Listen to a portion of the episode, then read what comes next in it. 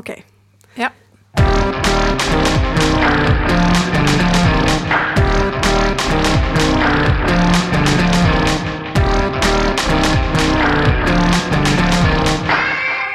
Verden er i rask endring, og siden vi tok opp forrige episode av Stolthet og fordom, har det brutt ut krig i Ukraina. Vladimir Putin har gått til angrep eh, på nabolandet, og det er den første angrepskrigen i Europa siden andre verdenskrig. Det har resultert bl.a. i noen rare utslag som at man foreslår boikott av russisk litteratur, og det synes vi er en veldig dårlig idé.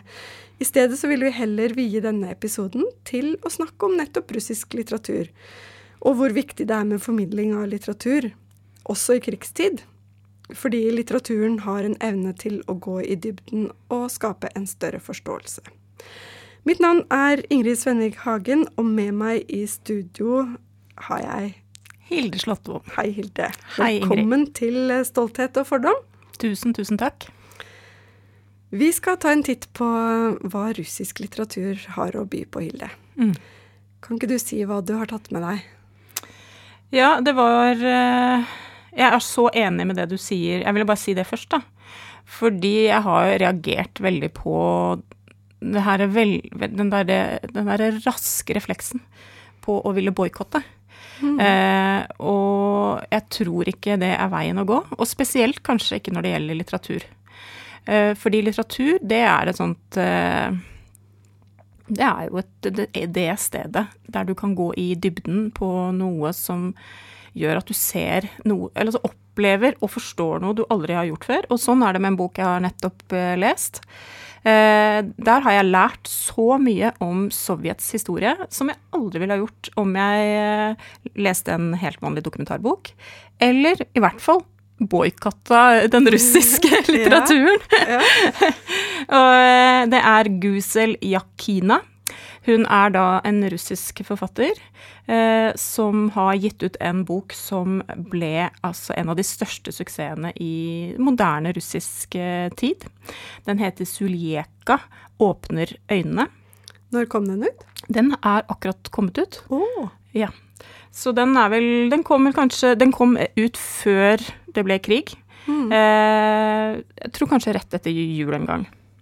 Ok. Den ser veldig sånn vinterlig ut på Den er vinterlig og veldig sånn russisk, med, med bjørn og en eh, arbeider Snø, på mm. kornmarkene med den slitne oksen foran seg.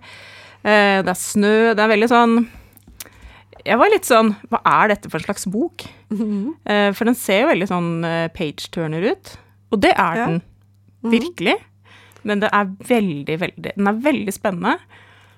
Men den har jo Den har på en måte lagt inn et sånt ekstra historisk eh, dimensjon, da, som gjør at eh, det ikke bare blir en sånn eh, lettbeint kjærlighetshistorie eller en lettbeint eh, Mm. reise med ja, med tog. Men når var det den eh, ble gitt ut på russisk? Å, nå spør du vanskelig. Oh, ja. Jeg tror den ble gitt ut i 2010. Ok. Eh, og så må det arresteres eh, etterpå. eh, men den er ikke helt flunka ny Nei, i nei. Russland. Men den har vunnet masse priser, og den har vunnet noe som heter Den store boka, som er da den største prisen man kan få. Eh, og den har solgt i bøtter og spann. Og så har den blitt en TV-serie, og som har blitt veldig, veldig omdiskutert i Russland. Eh, litt på linje med den her Atlantic Crossing i Norge, bare at 500 ganger større og mer veldig sånn Ja, folk har vært veldig, veldig sinte, da. Og det, ja, hvem er det som har vært sinte? Er det Altså, liksom- dette er jo en historie om tartarer. Eh, og de er jo eh, De tror jo på islam. Dette er jo en stor gruppe i eh, Russland som eh, De er vel eh, Jeg tror jeg leste at de er sju millioner tatarer i Russland nå. Og som er praktiserer islam. Eh, og denne historien handler om en, en ung kvinne som eh, eh, jeg vet ikke hvor i dyp, dybden jeg skal gå, for det er, det er helt sånn utrolig hvordan den starter. Men hvis jeg bare skal ta den derre eh, den der diskusjonen, da, så er det rett og slett uh, i, i det religiøse delen av Altså i islam, da, i Russland, mm. de er forferda over hvordan hun eller, Hvordan islam blir presentert. Okay. Eh, og de er forferda over, og andre er forferda over hvordan historien blir presentert. Okay. Eh, så, så man kritiserer litt, litt ulike deler av ja. boka? Ja. ja. Det var og, interessant. Og det, man er ikke fornøyd med hvordan, de, måte, hvordan man kommer ut, da, på en måte. Eh, mm. og så er det jo sånn at i Russland så har det jo vært sånn Det har liksom gradvis mer og mer og så har det alltid vært et slags tilsnitt av nasjonalisme i russisk litteratur, men det har også ikke vært det. ikke sant? Det har vært også mye kritikk og eh, Men i, den, liksom, i nyere tid så har jo på en måte det å litteraturen har blitt veldig prega av å skulle fortelle historien på en korrekt måte, sett ifra eh, makthavernes syn, da. Ikke sant. Mm. Man skal skue tilbake og se at det er heltemodig det som har skjedd, ikke sant. Mm. Mens f.eks. i Suljeka åpner øynene, så er det jo altså Jeg får frysninger når jeg snakker om det, for det er så groteskt hvordan de blir eh, deportert fra sine landområder. Ikke sant? Dette er jo helt i mm. starten av sovjettida. Og blir frakta med tog gjennom hele landet for å skulle arbeide i Sibir, eller man skal opprette nye landsbyer som igjen skal være produktive bønder, ikke sant. Eh, og det er jo veldig ofte f.eks. tatarene som blir Altså folkegrupper man ikke er så opptatt av skal overleve, da, og gi mm. videre sin kultur og Så det er jo et veldig sånn gjennomgripende eh, opprenskning, både i forhold til å ta over eiendom, ikke sant, mm. eh, men også å utslette kulturer. Eh, stoppe befolkningsvekst, ikke sant. Stoppe at man eh, utvider det islamske, f.eks. Eh, og dette er jo en historie hun forteller som jeg tror, eh, når den kom ut og ble så stor og populær i Russland, så fikk faktisk veldig mange for første gang lese en versjon som var slik. Mm. Mm. Men det er jo en rå, en rå roman som bare er, mm. du river med deg fra første side. Eh, og hun er eh, Hun er en sånn seig heltinne, da. Liten, sped. Eh, som bor sammen med en mann som ikke elsker henne, og som bare driver henne som et dyr. ikke sant? Og så har han denne grusomme mora som er stu, stø, stum og døv. Men som er altså gammelheksa. Som, som gjør ja. veldig mye av seg likevel. Eh, og som veit alt som skjer, og har forutsett at eh, Suljeka skal miste sine fire døtre i barsel. Uh, og så kommer Og alt dette liksom er jo ikke sant, Starten er så hard, ikke sant. Så man skjønner jo ikke hvor i alle dager skal det gå herfra, når det starter så hardt. Og så kommer da Sovjet, eh, de som skal skape dette sovjetveldet, kommer susende inn og bare tar Dreper mannen rett foran øynene på henne. Lar mora sitte igjen og skrike på trammen, og tar med seg Suljeka. Og så er jo det som er så absurd, er at ja, det var kanskje det beste som kunne skje henne. Eller? Oh. og da er det altså en tur gjennom uh, hele Russland. Uh, og det, den turen tar et halvt år mm. i tog. Og så ender de med å bli uh, Når de har kjørt tog og kjørt tog, og så er det siste etappen, skal de ta med båt, og så synker båten. Og så ender ha, da han som har ansvaret for dem, og klarer å redde en bitte liten gruppe mennesker. Blant annet en veldig høygravid Suljeka, for hun er gravid. Og så, så må de klare seg langt ute i gokk. Bare skog. Og oh. de har ingenting. ja. Mm. ja det er jo en ganske sånn eh, Jeg tror det er ganske gjennomgående i mange bøker fra Russland at det handler om overlevelse og, mm. og Ja, det er mye tøffe forhold, rett og slett. Veldig tøffe forhold. Og så tenker jeg og en sånn roman, da, som jeg syns er gjennomgående fra om du leser den eldste litteraturen, eller om du leser nå den moderne litteraturen. Det som går igjen, er jo denne skaltinga og valtinga med enkeltindividet. Mm. Eh, og og at det er enkeltindividet som på en måte må stå opp, da. Ikke sant? Det er jo på en måte skjønnlitteraturens forse, er jo nettopp at du får den Du går inn i det enkelte mennesket, ikke sant? Mm. Uh, og får hevet seg ut fra den her eh, massetenkningen, ikke sant. Som gjør også at så grusomme ting kan skje. ikke sant? At man bare putter folk i en gruppe. Uh, og, og, gjør det systematisk, ikke sant. Mm. Så jeg tenker også litteraturen er veldig, veldig god på akkurat det. Å få fram den store historien og den lille historien. Mm. Mm. Og der vil jeg jo spille inn da at bibliotekarene gjør en veldig viktig jobb. Så mm. skal vi gå over til den neste boka vi skal snakke om. Fordi jeg har nemlig lenge tenkt på at vi burde ha en uh, egen spalte i podkasten vår som handler om bibliotekarer i litteraturen. Du, du, du, du. Og så kan vi fortelle det, da. Da vi snakka sammen i går for å planlegge denne episoden her, så nevnte du en forfatter som heter Ludmilla Olitskaja. Mm. Uh, og hun har blitt oversatt uh, til uh, norsk og flere bøker til svensk. Men så nevnte du en um, bok som heter Sonetsjka å, jeg klarer ikke å si det riktig. Zonitsjka. Nei, Nei det, jeg tror det er Sonitsjka. Sonitsjka. Ja, det er det sikkert. Jeg håper alle russere Ja, beklager. bare beklager at vi ikke klarer det her helt. Jeg spurte til og med en elev om hjelp i dag, som jeg vet kan russisk, ja. og hun lærte meg det, og så glemte jeg det litt. Ja. ja. Men poenget var eh, bibliotekene og bibliotekarene gjør en viktig jobb for å formidle eh, litteratur, eh, og formidle litteratur som eh, både den, både den klassiske litteraturen og nyere bøker. Og så tok jeg tipset ditt, for du nevnte den boka for meg, og der er det jo en bibliotekar i hovedrollen, så hva kunne passe bedre enn å knytte dette her opp til eh, Russland-episoden vår? Jeg skal lese et lite utdrag fra starten av boka. Vi møter eh, en dame som heter Sonja, og Zonitsjka er eh, et kallenavn, fordi i russisk mm. litteratur så opererer de jo ikke bare med ett navn per person, det er jo Niks. mange. Ja. Um, jeg skal lese et lite utdrag her.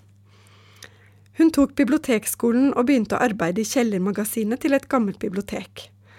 Der var hun en av de få lykkelige som følte en lett smerte ved å få nytelsen avbrutt når hun ved arbeidsdagens slutt måtte forlate den støvete, tette kjelleren sin. Hun greide aldri i løpet av arbeidsdagen å bli mett, verken av radene med kartotekkort eller av de blekgule skjemaene med bestillinger som kom ovenfra, fra lesesalen, og heller ikke av å kjenne den levende tyngden av bøkene når de hvilte i de magre hendene hennes. Det er flott, Hilde! Jeg ser for meg den her litt eh, støvete unge dama som har fått jobb nede i kjelleren, og så er det veldig kaldt der. Det er litt sånn Men hun føler virkelig at hun gjør noe viktig, da. Og så er det også det med at um, litteraturen jo ofte, har jo ofte en ganske stor plass i bibliotekarenes liv. Naturlig nok. Naturlig nok. Uh, og det er jo der hun møter sin fremtidige mann allerede her i starten. Men uh, jeg må lese et lite utdrag til, for det er veldig fint. Uh, men Sonitsjkas sorgløse sjel, som var innhyllet i en kokong av tusenvis av leste bøker, lullet inn i rykende bølger av greske myter, av hypnotiserende, skarpe fløytetoner fra middelalderen, av Ibsens tåkede, forblåste vemod, Balzacs langtekkelige hang til detaljer, Dantes astralmusikk, sirenesangen fra Rilkes og Novalis skarpe stemmer, forført av de store russernes moraliserende fortvilelse, som siktet mot selveste himmelens hjerte. Sonetsjkas sorgløse sjel la ikke merke til sitt livs store øyeblikk, tankene hennes var bare opptatt med dette ene, om hun ikke løp en altfor stor risiko når hun lot, en låner få med seg bøker som egentlig bare skulle leses på lesesalen. Ja. For denne mannen som uh, dukker opp her i starten, han blir ektemannen hennes bare etter to uker. Det er ganske fort gjort. Ja, det er fort gjort. Um, og så følger vi da denne familien. Så biblioteksdelen er egentlig litt mer sånn i starten. Mm. Uh, men jeg syns det er en veldig fin åpning. Og det hun også Hun tar opp tråden igjen med det med litteraturens rolle i livet til Sonja. Mm. Uh, og det er veldig det er en veldig fin, liten bok. Mm. Virkelig en uh, god leseopplevelse. Bare sånn 120 sider tekst. Uh, og ja, jeg likte den uh, veldig godt. Det var jo Bakker. veldig morsomt da når jeg hadde sagt det i går, ja. og du sendte en tekstmelding. Nå har jeg jammen lest den. Jeg bare, ja. ja. Og det tenker jeg også er, det var jo litt tilfeldig, fordi jeg var på Deichman i Bjørvika i går på søndag. og eh, lånte med meg den bare fordi jeg var der tilfeldig. Og det tenker jeg også er noe av det viktige med bibliotekene. Mm. At de tilgjengeliggjør litteraturen for eh, folket. Og at vi kan gå der og finne, finne liksom nye veier og ny kunnskap. Og jeg syns det er eh, fabelaktig. Så dette blir vår nye faste spalte, Hilde. ja. Jeg er jo fornøyd siden det jeg kom med første bok. Da, for jeg husker når du sa det, så var jeg sånn Ja, men har jeg lest noen bøker med bibliotekarer? Ja, ja det har du faktisk. Jeg har det. Men jeg må bare jeg lover finne det kommer til å komme mange flere. Ja, det kommer til å komme trillende. Um, men du har med deg en essaysamling også, har du ikke det? Ja, jeg hadde egentlig bare lyst til å ha den som en sånn derre eh, på leselista-bok. For den har virkelig mm. vært på leselista mi lenge. Og så har Ja, sånn livet er, da. Og så er det jo, kommer det jo alltid trillende en bok som man skal lese. Eller fem. Eller ti. Eller ti. Eh, men denne boka har jeg hatt så lyst til å lese kjempelenge. Har ikke lest den ennå, men jeg vet den er bra. Jeg bare vet det. Eh, og den heter In Memory of Memory på engelsk, da. For den er jo ikke oversatt til norsk av en russisk forfatter. Hun er egentlig poet, og så har hun da begått denne hybridboka, som er essay, poetikk, eh, personlig biografi, eh, russisk historie. Eh, alt i ett. Og hun heter Maria Stefanova. Eh, den ble kortlista til Bookerprisen i 2021, vant ikke, men uh, var en av de få som gikk gjennom nåløyet der. Uh, og den er rett og slett uh, Jeg har lest begynnelsen, da, og da har hennes tante dødd. Og de har arvet denne leiligheten. Hun har ikke barn. Og så går hun igjennom denne leiligheten som blir som en sånn minne... Det er et slags ja. minnested, ikke sant? Mm. Så alle disse tingene Hun er veldig opp, hun har alltid vært veldig opptatt av å liksom samle ting i grupper.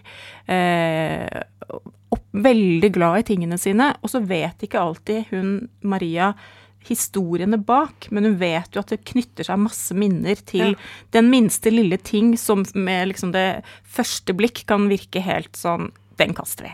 Ikke sant? Mm. Men hun begynner på en måte der. Eh, og så undersøker hun hva de tingene har betydd for Ja, undersøker og lar vel på en måte tankene og minner Altså, den heter ja. jo In Memory of Memory, ikke sant? Mm. Så det er jo en memoar som også går i dialog med masse litteratur. Mm. Hun snakker på en måte sammen med Roland Barth. Ja. Eh, så det er et med, verdensperspektiv, det er ja, ikke bare russisk? Absolutt. Mm. Og Sebalt, Susan Sontag, Eh, og så er det jo også da en historie om det jødiske og eh, den grusomme delen av eh, den russiske historien også. Eh, ja. Det er rett og slett en utrolig rik, stor bok. Og når jeg leser anmeldelser av den, så er det jo sant, Foran i denne boka så er det jo bare Jeg vet ikke hvor mange omtaler mm. der de bare sier dette er en bok du aldri, aldri har lest før. Altså det er en ja. sånn type bok, du, for den, den, bare blander sammen så mange sjangre, da. Mm. Den, det høres veldig spennende ut. Ja, den tror jeg er fantastisk. Og hun regnes også som en av de virkelig store, sammen med hun uh, som du har lest. Ulitskaja. Ulitskaja. Som jo er en eldre Hun er en eldre ja, kvinne ja. som har skrevet veldig masse. Uh, Maria Stefanova er en ganske ung kvinne, sånn i 40-årene. Mm. Mm. Da beveger vi oss litt over i sakprosasjangeren. fordi mm. da krigen brøt ut, så satt jeg, var jeg på vinterferie eh, på hytta. Heldigvis, holdt jeg på, nesten på å si. Fordi mm. det er sånn Jeg syns det var litt godt å slippe å se dette her på TV. Mm. Så jeg hørte på radio og leste um, Timothy Snyders On Tyranny i tegne... Altså den illustrerte utgaven som Nora Krog har uh, tegnet til. Mm. Og det ga meg på en måte en sånn um, at, at, man kan lese noe som er så aktuelt, samtidig som det på en måte utspiller seg i verden, det var veldig rart, syns jeg.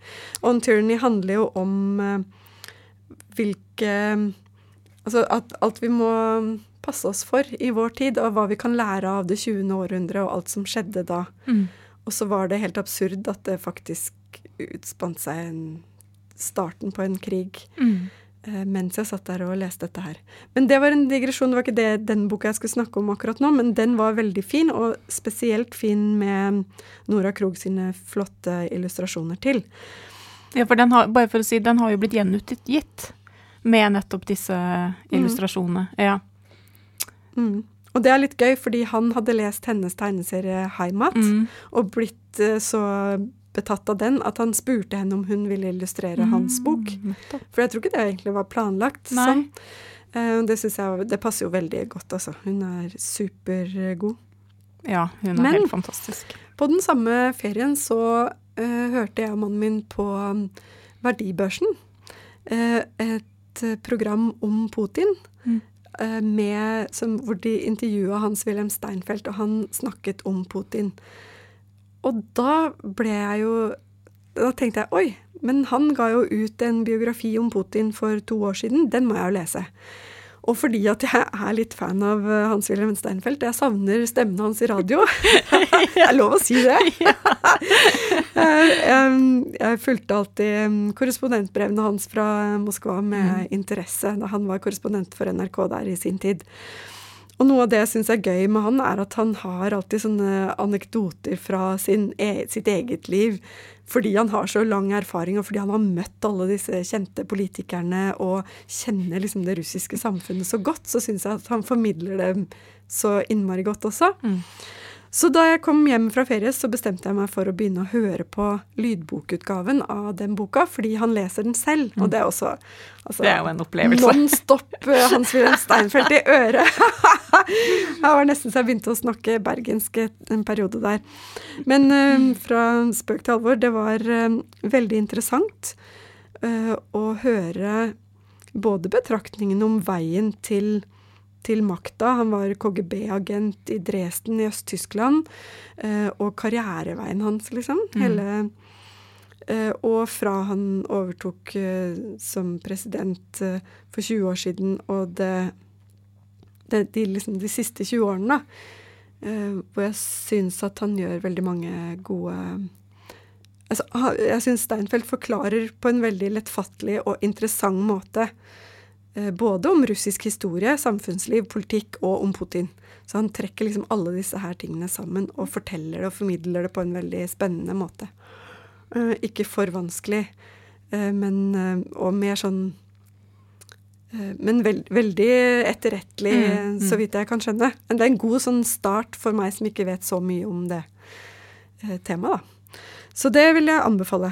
Den var veldig interessant å høre på. Men var det noe du hørte da om Putin som du Ah, jøss. Yes. Eller som gjorde at du Nei, egentlig mer Jeg syns egentlig mer helheten er interessant. Mm. Jeg liker liksom uh, å lære mer om, om, samfunnet og om hvordan det Hvordan det var uh, Hele den herre hemmelige agentene og mm og KGB. Og jeg syns det er fryktelig spennende, hele den spionvirksomheten. Mm. og også hvordan de har kapasitet. Det har slått meg nå det siste. Hvordan har de kapasitet med å drive overvåkning av folk den, i den skalaen de gjør? Liksom. Det er jo helt hinsides. Ja, det er jo en prioritering, det, da. Men det er jo også en tradisjon, nærmest. Mm. ikke sant? At du ser det under um, under Stalin også. Hvordan har, du, hvordan har de hatt kapasitet til å drive og sende så mange millioner eh, til uh, Sibir og altså Alt som har ja, ja, skjedd opp gjennom historien. Ja. Det er så svært, da. Mm. Og jeg skjønner ikke at de klarer å holde oversikt over alt. Og at det er så, det er så grundig satt i system, det syns jeg er helt, det er helt motbydelig og uh, skremmende. Ja, så blir det jo på en måte en historie som bare gjentar seg igjen og Mm. igjen. Det er jo det jeg også syns er kanskje veldig interessant med å lese nettopp litteratur, som gjør at du En ting er jo å lese tall, ikke sant. Lese om så og så mange som ble Ja, deportert. er ikke- Så er jo så mange som blir drept, ikke sant. De villede hungersnødene Altså det her er gang på gang svære hungersnøder som altså, øh, Som tar livet av så ufattelig mange Mm. mennesker. Uh, Mm. ja. Og det tenker jeg jo er jo akkurat det som eh, Kanskje litt sånn som jeg sa, da. At når en sånn bok som uh, Suljeka åpner øynene, så er det jo faktisk kanskje en million russere, da. Som har fått øynene åpna. Mm. Fordi de leser en versjon av historien de aldri har gjort før. Mm. Eh, nettopp fordi det har vært tabu da, å si noe om eh, deporteringa, f.eks. Mm. Mm. Men eh, russisk litteratur er jo også de verdenskjente klassikerne. Mm. Og for en eh, god stund siden så planla du og jeg egentlig å lage en Russlands, eller russisk litteraturepisode. Ja, ja. for, for en god stund siden. For en god stund siden. Vi hadde jo masse titler på lista, og vi Ja, ja. Og så plutselig så fikk vi en, eh, en litt eh, fornya anledning til Mm. å snakke om dette her. Mm. Og det gjør jo også at vi nå må se oss tilbake til eh, eh, en veldig fin eh, bok for oss eh, litteraturvitere, Hilde. Mm. Vi har nemlig lest eh, George Saunders' 'A Swim in a Pond in the Rain'. Jeg må alltid liksom titel. lese Ja. den tittelen, fordi jeg er så redd for å si feil. Men Jeg sier alltid feil. ja. Um, A pond in the swim in the rain. Ja, det er noe, noe svømming og en dam og noe greier. Men eh, George Saunders er kanskje kjent for mange som en eh, etablert eh, skjønnlitterær forfatter fra USA.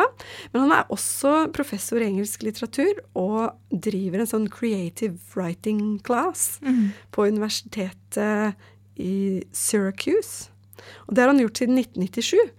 Og i denne boka så er det jo litt som å være på forelesning. Vet du, det var så gøy. Det kjempefint. Og så må vi også legge til at vi hørte jo den her som lydbok begge to, Mm. og det er en opplevelse. Veldig stor opplevelse. For det føles virkelig som å være på forelesning, og det er jeg ja, Vi må kanskje også si at det er Han gir seg i kast med de kjente novelleforfatterne i russisk litteratur.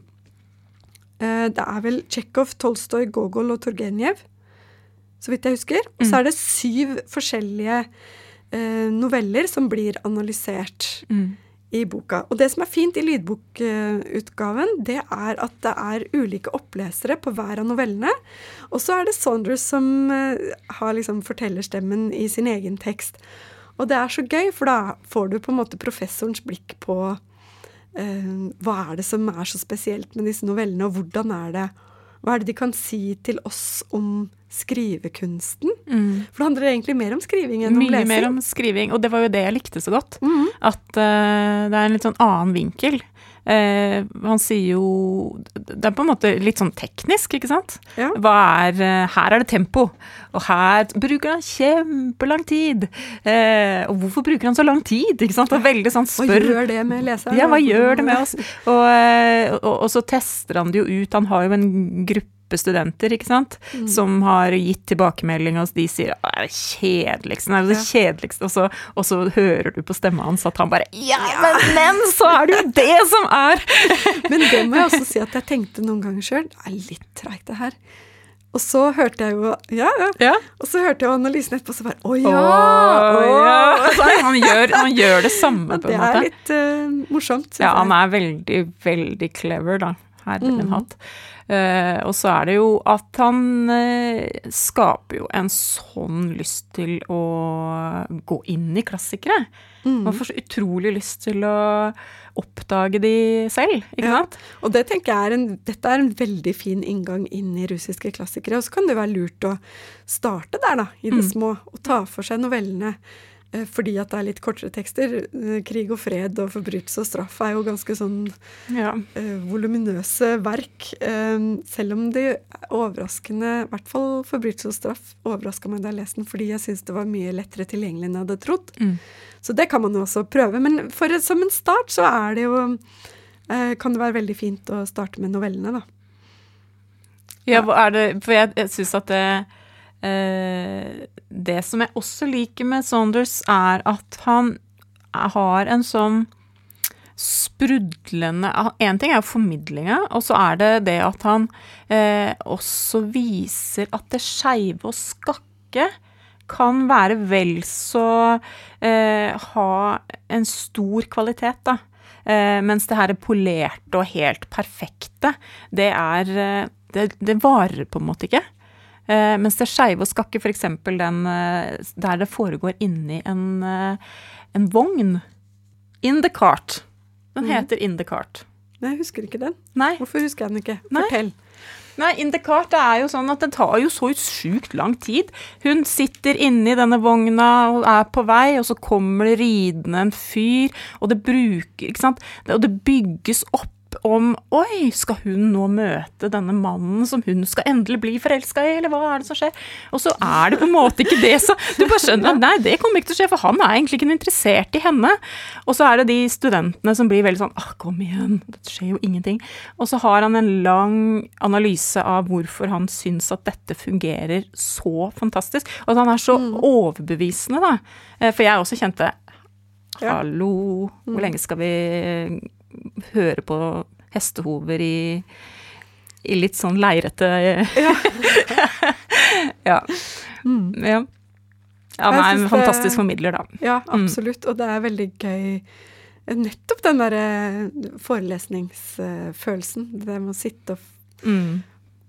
bli forklart hvordan det funker, og hva er det som Nei, det syns jeg var veldig artig å høre på, altså. Mm.